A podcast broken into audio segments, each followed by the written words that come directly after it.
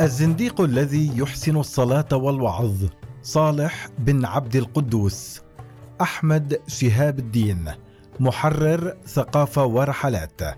في أيام ثورة يناير على هامش تظاهرات شارع محمد محمود التي راح منها ما راح من جرحى وقتلى كنا نجتمع في مقهى العم صالح في شارع شامبيون المتفرع من ميدان التحرير. جلسنا وبعضنا لا يعرف جلنا وقدم كل واحد نفسه. كانت معنا شابة قبطية متشككة ولكنها تؤثر السلامه ومثلي الجنسية تحول عن الإسلام إلى المسيحية ومسيحي مقتنع بالإسلام ولكنه يحب زوجته وأولاده المسيحيين فيخفي إسلامه. وقدمت نفسي باعتباري صوفيا عدميا. تناقشنا كما كنا نتناقش في الميدان عن كل شيء مع أشخاص يمكن وصفهم بالعاديين غير منخرطين بشكل مباشر في الكتابة أو في أي نشاط إبداعي أو حقوقي أو سياسي. هبت علي روائح تلك الذكرى الجميلة التي تبدو بعيدة الآن وأنا أقرأ عن تلك الشلة في بدايات تاريخ مدينة البصرة التي فرقها فقهاء متشددون وخلفاء مستبدون جاء ذكرهم في النجوم الزاهرة. كان يجتمع بالبصرة عشرة في مجلس لا يعرف مثلهم. الخليل بن أحمد صاحب العروض سني. والسيد محمد الحميري الشاعر الرافضي وصالح بن عبد القدوس ثانوي وسفيان بن مجاشع صفري وبشار بن برد خليع ماجن وحماد عجرد زنديق وابن رأس الجالوت الشاعر يهودي وابن نظير النصراني متكلم وعمرو بن أختي المؤيد مجوسي وابن سنان الحراني صابي فيتناشد الجماعة اشعارا واخبارا.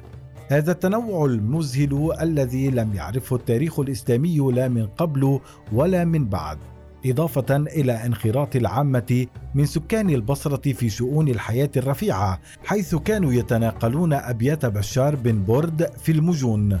والحكايات والمجادلات بين المحافظين والمجددين أو بين من سيعرفون بأهل السنة والجماعة والمعتزلة والأشاعرة ومن سيعرفون بأهل المنطق والزندقة والكفر.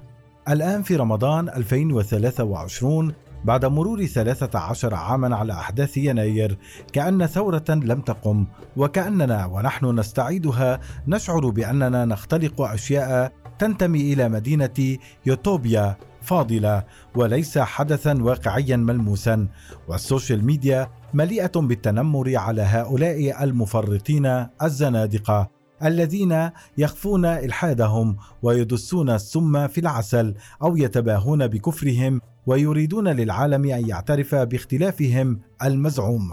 ربما لم يبقى في ذاكرتنا الثقافية من شلة البصرة تلك التي تشبه شلل وسط البلد في القاهرة في سنوات يناير سوى الخليل بن أحمد لتفقد اللغة العربية ارثا منطقيا وعقلانيا ومنخرطا مع آمال الناس وآلامهم. فتلك الفصيلة من الناس تم وأدها ولم يبقى منها إلا لعنات الرواة. حتى كتب أفرادها محيت تماما مثلما لم يتبقى من شلل ثورة يناير سوى أصوات بغيضة متشددة في آرائها تتوسل سفيه الكلام والعبارات النافلة في سياقات دينية أو اجتماعية أو سياسية. بات شهر رمضان نشطا في إدانة الملحدين وتصويرهم منافقين جبناء أحيانا أو سفراء لأعداء الأمة.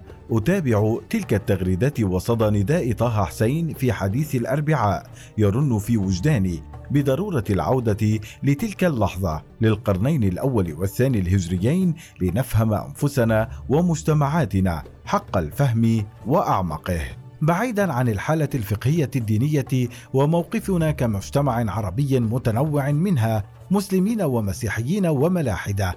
أدعو إلى استعادة حياة صالح عبد القدوس ومجتمعه في سياق الدورات الحضارية المتأثرة بطبيعة الأنشطة الاقتصادية والموقع الجغرافي ونوعية السلطة وهذه كلها عوامل لا علاقة لها بالإسلام كدين أو بالمسلمين الأوائل بكل ما فعلوه من جميل واقترفوه من قبيح ولكن بأنماط حضارية تفاعلت مع البيئة وأنشطة السكان فخلقت لنا هذه الدراما الحزينة والدامية أحيانا وهذا الزخم المتعدد التاويل والتفسير. ثمة ثلاث نقاط مهمة في فهم صالح وزمانه. واحد مدينة الألفية الجديدة التي سبقت عصرها. يعود تاريخ مدينة البصرة التي عاش فيها صالح إلى عام 14 للهجرة وأقيمت إلى جانب مدينة فارسية اسمها هاشتباذ أردشير أو بهشت أردشير بالفارسية الحديثة وتعني جنة أردشير وبحسب ما أورده كتاب عبد الله الخطيب صالح بن عبد القدوس البصري فقد خربها المثنى بنو الحارثة الشيباني بشن الغارات عليها. توقف الخطيب طويلا عند هذه المدينة لهذه المدينة الفارسية المندثرة تاريخ حافل وطويل في التمازج الحضاري والعقائدي في تمازج العلاقات الاجتماعية للمجتمعات الزراعية الروحية والقيم البدوية الحسية والآراء التجارية المادي. البحث في أمور هذه المدينة التاريخية معناه البحث في أمور الخليج العربي كله وتاريخها الفكري في القرنين الأول والثاني الهجري مرتبط أشد الارتباط بماضيها الحضاري الموغل في القدم. تغير النشاط الاقتصادي للعرب في البصرة التي لم يكن يميل أهلها اطلاقا إلى القتال حتى في أشد عصور الفتنة في بدايات تشكيل الخلافة الأموية. فقد شغفوا بالتجارة والصناعة وما يرتبط بهما من ترحال وتفكير مادي ملموس إذ تتجلى إرادة الإنسان ووعيه على عكس أنشطة الرعي التي جاء منها نمط النبوة أو الزراعة النمط الديني للحضارات ما قبل الإبراهيمية ليقفز الوعي العربي قفزة في ارتباطه بالغيب الذي يخضع لإرادته والتأمل الذاتي المنفصل عن الواقع المادي إلى بدايات التفكير الفلسفي ونقد الرؤى الروحانية. حكى الطبراني عن أبي يحيى زكريا بن يحيى الساجي أنه قال كنا نمشي في بعض الأزقة إلى باب بعض المحدثين بالبصرة فأسرعنا المشي وكان معنا رجل تاجر متهم في دينه فقال ارفعوا أرجلكم عن أجنحة الملائكة لا تكسروها كالمستهزئ. وكان لنشاط التجارة تأثير كبير على المعاملات المالية وتحريرها نسبيا من أحكام الشريعة ففي البصرة تعامل التجار بالربا وامتنعوا عن الزكاة بحسب عبد الله الخطيب. أما الربا الذي كان يعين التنظيمات الاقتصادية المكملة للتجارة فقد أخذ طريقه بصور متعددة.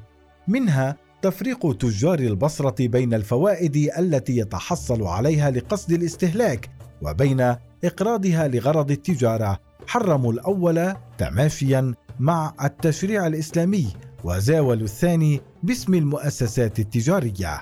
الموالي. لا نعرف عن تلك الشرائح التي أبيدت كما لم تبد فرقة إسلامية في التاريخ إلا أنها من الموالي.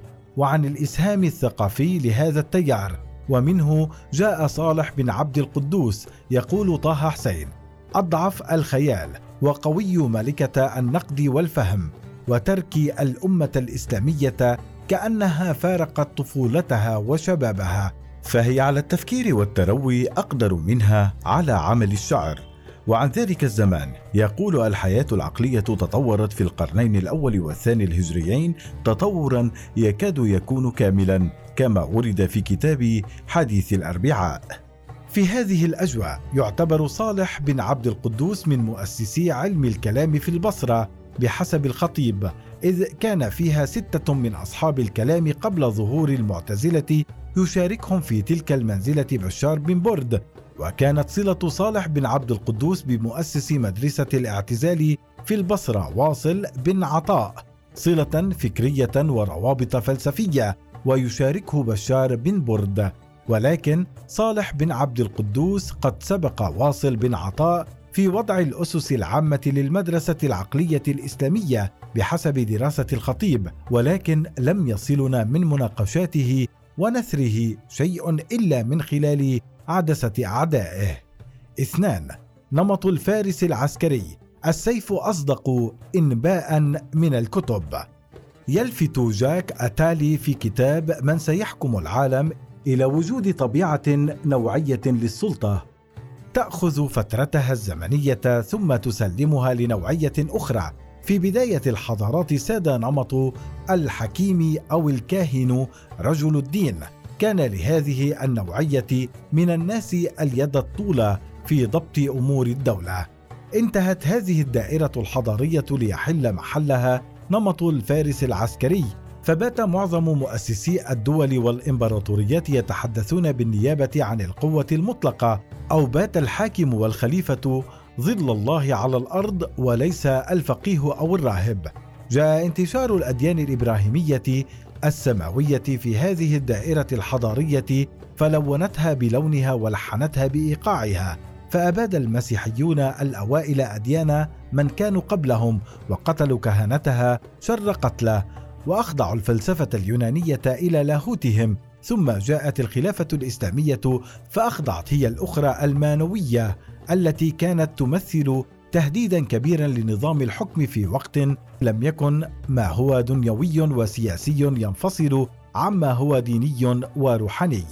تلك الديناميكية شرحها دومينيك أورفو في كتابه المفكرون الأحرار في الإسلام وجعلنا نرى تلاشي هذه النوعية من التفكير الحر في أمور الحياة والأخلاق واللاهوت لتحل محلها المعتزلة ودافعهم في استخدام المنطق الدفاعي عن الشريعة والعقيدة وليس فضوليا واستكشافيا مثل المانويين ومن نحى نحوهم. لقي صالح بن عبد القدوس مصير سقراط مع اليونانيين وحكماء الغنوصيين مع المسيحيين الأوائل والسبب أن الدائرة الحضارية كانت تنتصر للنمط العسكري. ولا عجب أن الخلفاء المؤسسين كلهم كانوا مقاتلين واسفكوا الكثير من الدماء خاصة دماء الروحانيين والمثقفين لتثبيت دعائم ملكهم. ولا عجب كذلك أن نجد هذا المديح للملك الصالح الذي إذا صلحت أحواله صلحت أحوال الأمة. ولا عجب بعد القضاء ليس على المانوية بل على السلطة المعنوية للمفكر الحر هكذا أرى حملة الخلفاء العباسيين المهدي وما تلاه على شخصيات أمثال صالح عبد القدوس ولنا في طريقة تعامل ابن المقفع مع الولي الذي كان دائم الاستهزاء به والاستفزاز له حتى دفعه إلى قتله شر قتله. دليلا واضحا على مدى استقلالية وحرية هؤلاء المفكرين الزنادقة في زمن كان أبلغ ما يكتب فيه باللغة العربية هو المديح والفقه. ولا عجب أن يحلم شاعر حكيم كالمتنبي بالولاية والخلافة بعد فشل حلمه بالنبوة. ولا عجب أن يقول ابن تمام مثمنا نمط الفارس على نمط الشاعر والحكيم. السيف أصدق إنباء من الكتب في الحد بين الجد واللعب أو أن ينادي مفكر إصلاحي مثل محمد عبده بالمستبد المستنير. ثلاثة فوبيا المنطق والتفكير. يتعجب طه حسين من سيادة لغة الصحراء وفكر الصحراء بين أهالي العراق رغم الفارق الكبير بين تلك المدن بنشاطاتها الاقتصادية وتحضرها بين عيشة البدوي والمتقشفة في بادية صحراء العرب. وأجدني أتعجب أيضا بعد مرور تلك العقود والأزمنة الطوال أن كلمة دليل أول ما تعني ليس الحجة العلمية ولكن دليل القرآن والسنة ولا يزال الملاحدة يصورون على طريقة الزنادقة الكلمة الأكثر غموضا واتساعا في قاموس الشتائم العربي. أشخاصا مستهترين يتبعون هوى النفس وينكحون أخواتهم وأمهاتهم وعملاء لجهات خارجية. الآن نعيش في دورة حضارية ثالثة يحل فيها أصحاب المصارف ورجال الأعمال محل القادة العسكريين بحسب رؤية أتالي أي أن أجواء الأفكار السائدة في العالم المتحضر تميل إلى تلك الأجواء التي سادت في البصرة في نهايات العصر الأموي وبداية الخلافة العباسية. لذا يمثل صالح عبد القدوس مثلا ملهما للمثقف العربي الأصيل الذي يعيش عصره وزمانه بين قوم وأنظمة لا تزال تحافظ على نمط عسكري متشدد ولا زمانه مثقف يفكر في معنى الحياة والمجتمع بروح الاستكشاف والجرأة وفي نفس الوقت يحب الناس والتواصل معهم ويستخدم لغتهم ويصلي ويصوم. إن صلوا وصاموا ولا يرى في ذلك حرجا أو نفاقا بل سلامة واثارا لقيمة التواصل الاجتماعي عن أي قيمة فكرية أو تعبيرية. أترككم في حضرة شعر وأثر صالح بن عبد القدوس الذي اقتبس منه الكثير من شعراء الحكمة مثل أبي تمام والمتنبي وأحمد شوقي وعلي بن الجهم الذي كان يؤثر أن يحدث الناس في المساجد والشوارع فكان كلامه محفوظا لدى العوام ونقاشاته مادة للسمر الفكري والسهرات الثقافية. وروي أن صالح شوهد يصلي صلاة تامة الركوع والسجود فقيل له ما هذا؟ ومذهبك معروف. قال سنة البلد وعادة الجسد وسلامة الأهل والولد. وفي رواية إنه رسم البلد وعادة الجسد. ومن شعره وهو في الحبس خرجنا من الدنيا ونحن من أهلها فلسنا من الأحياء فيها ولا الموتى. إذا دخل السجان يوما لحاجة عجبنا وقلنا جاء هذا من الدنيا ونفرح بالرؤيا فجل حديثنا. إذا نحن أصبحنا الحديث عن الرؤيا فإن حسنت لم تأت عجله وأبطأت وإن قبحت لم تحتبس وأتت عجله طوى دوننا الأخبار سجن ممنع له حارس تهدى العيون ولا يهدى قبرنا. ولم ندفن ونحن بمعزل عن الناس لا نخشى. فنغشى ولا نغشى استلهم البيت ابن الجهم قائلا عن السجن بيت يجدد للكريم كرامة ويزار فيه ولا يزور ويحمد. وقيل الأبيات لعبد الله بن معاوية وعن الزمان يقول المرء يجمع والزمان يفرق ويظل يرقع والخطوب تمزق. إذا لم تستطع شيئا فدعه وجاوزه إلى ما تستطيع. كم عاجز في الناس يأتي رزقه رغدا ويحرم كيس ويخيب ويقول قد ينفع الأدب الأطفال في صغر وليس ينفع بعد الكبرة الأدب. إن الغصون إذا قومتها اعتدلت ولا يلين إذا قومته الخشب. ويقول في الزهد إذا ما خلوت الدهر يوما فلا تقل خلوت ولكن قل علي رقيب. ولا تحسبن الله يغفل ساعة ولا أن ما يخفى عليه يغيب. كم أهلكت مكة من زائر خربها الله وأبياتها لا رزق الرحمن أحياءها وأشوت الرحمة أمواتها. لم تخل أفعالنا اللاتي نذل بها إحدى ثلاث خصال في معانيها. إما تفرد مولانا بصنعتها فاللوم يسقط عن حين نأتيها أو كان يشركنا فاللوم يلحقه إن كان يلحقنا من لائم فيها أو لم يكن للإله في جنايتها. صنع فما الصنع إلا ذنب جانيها وابدأ عدوك بالتحية ولتكن.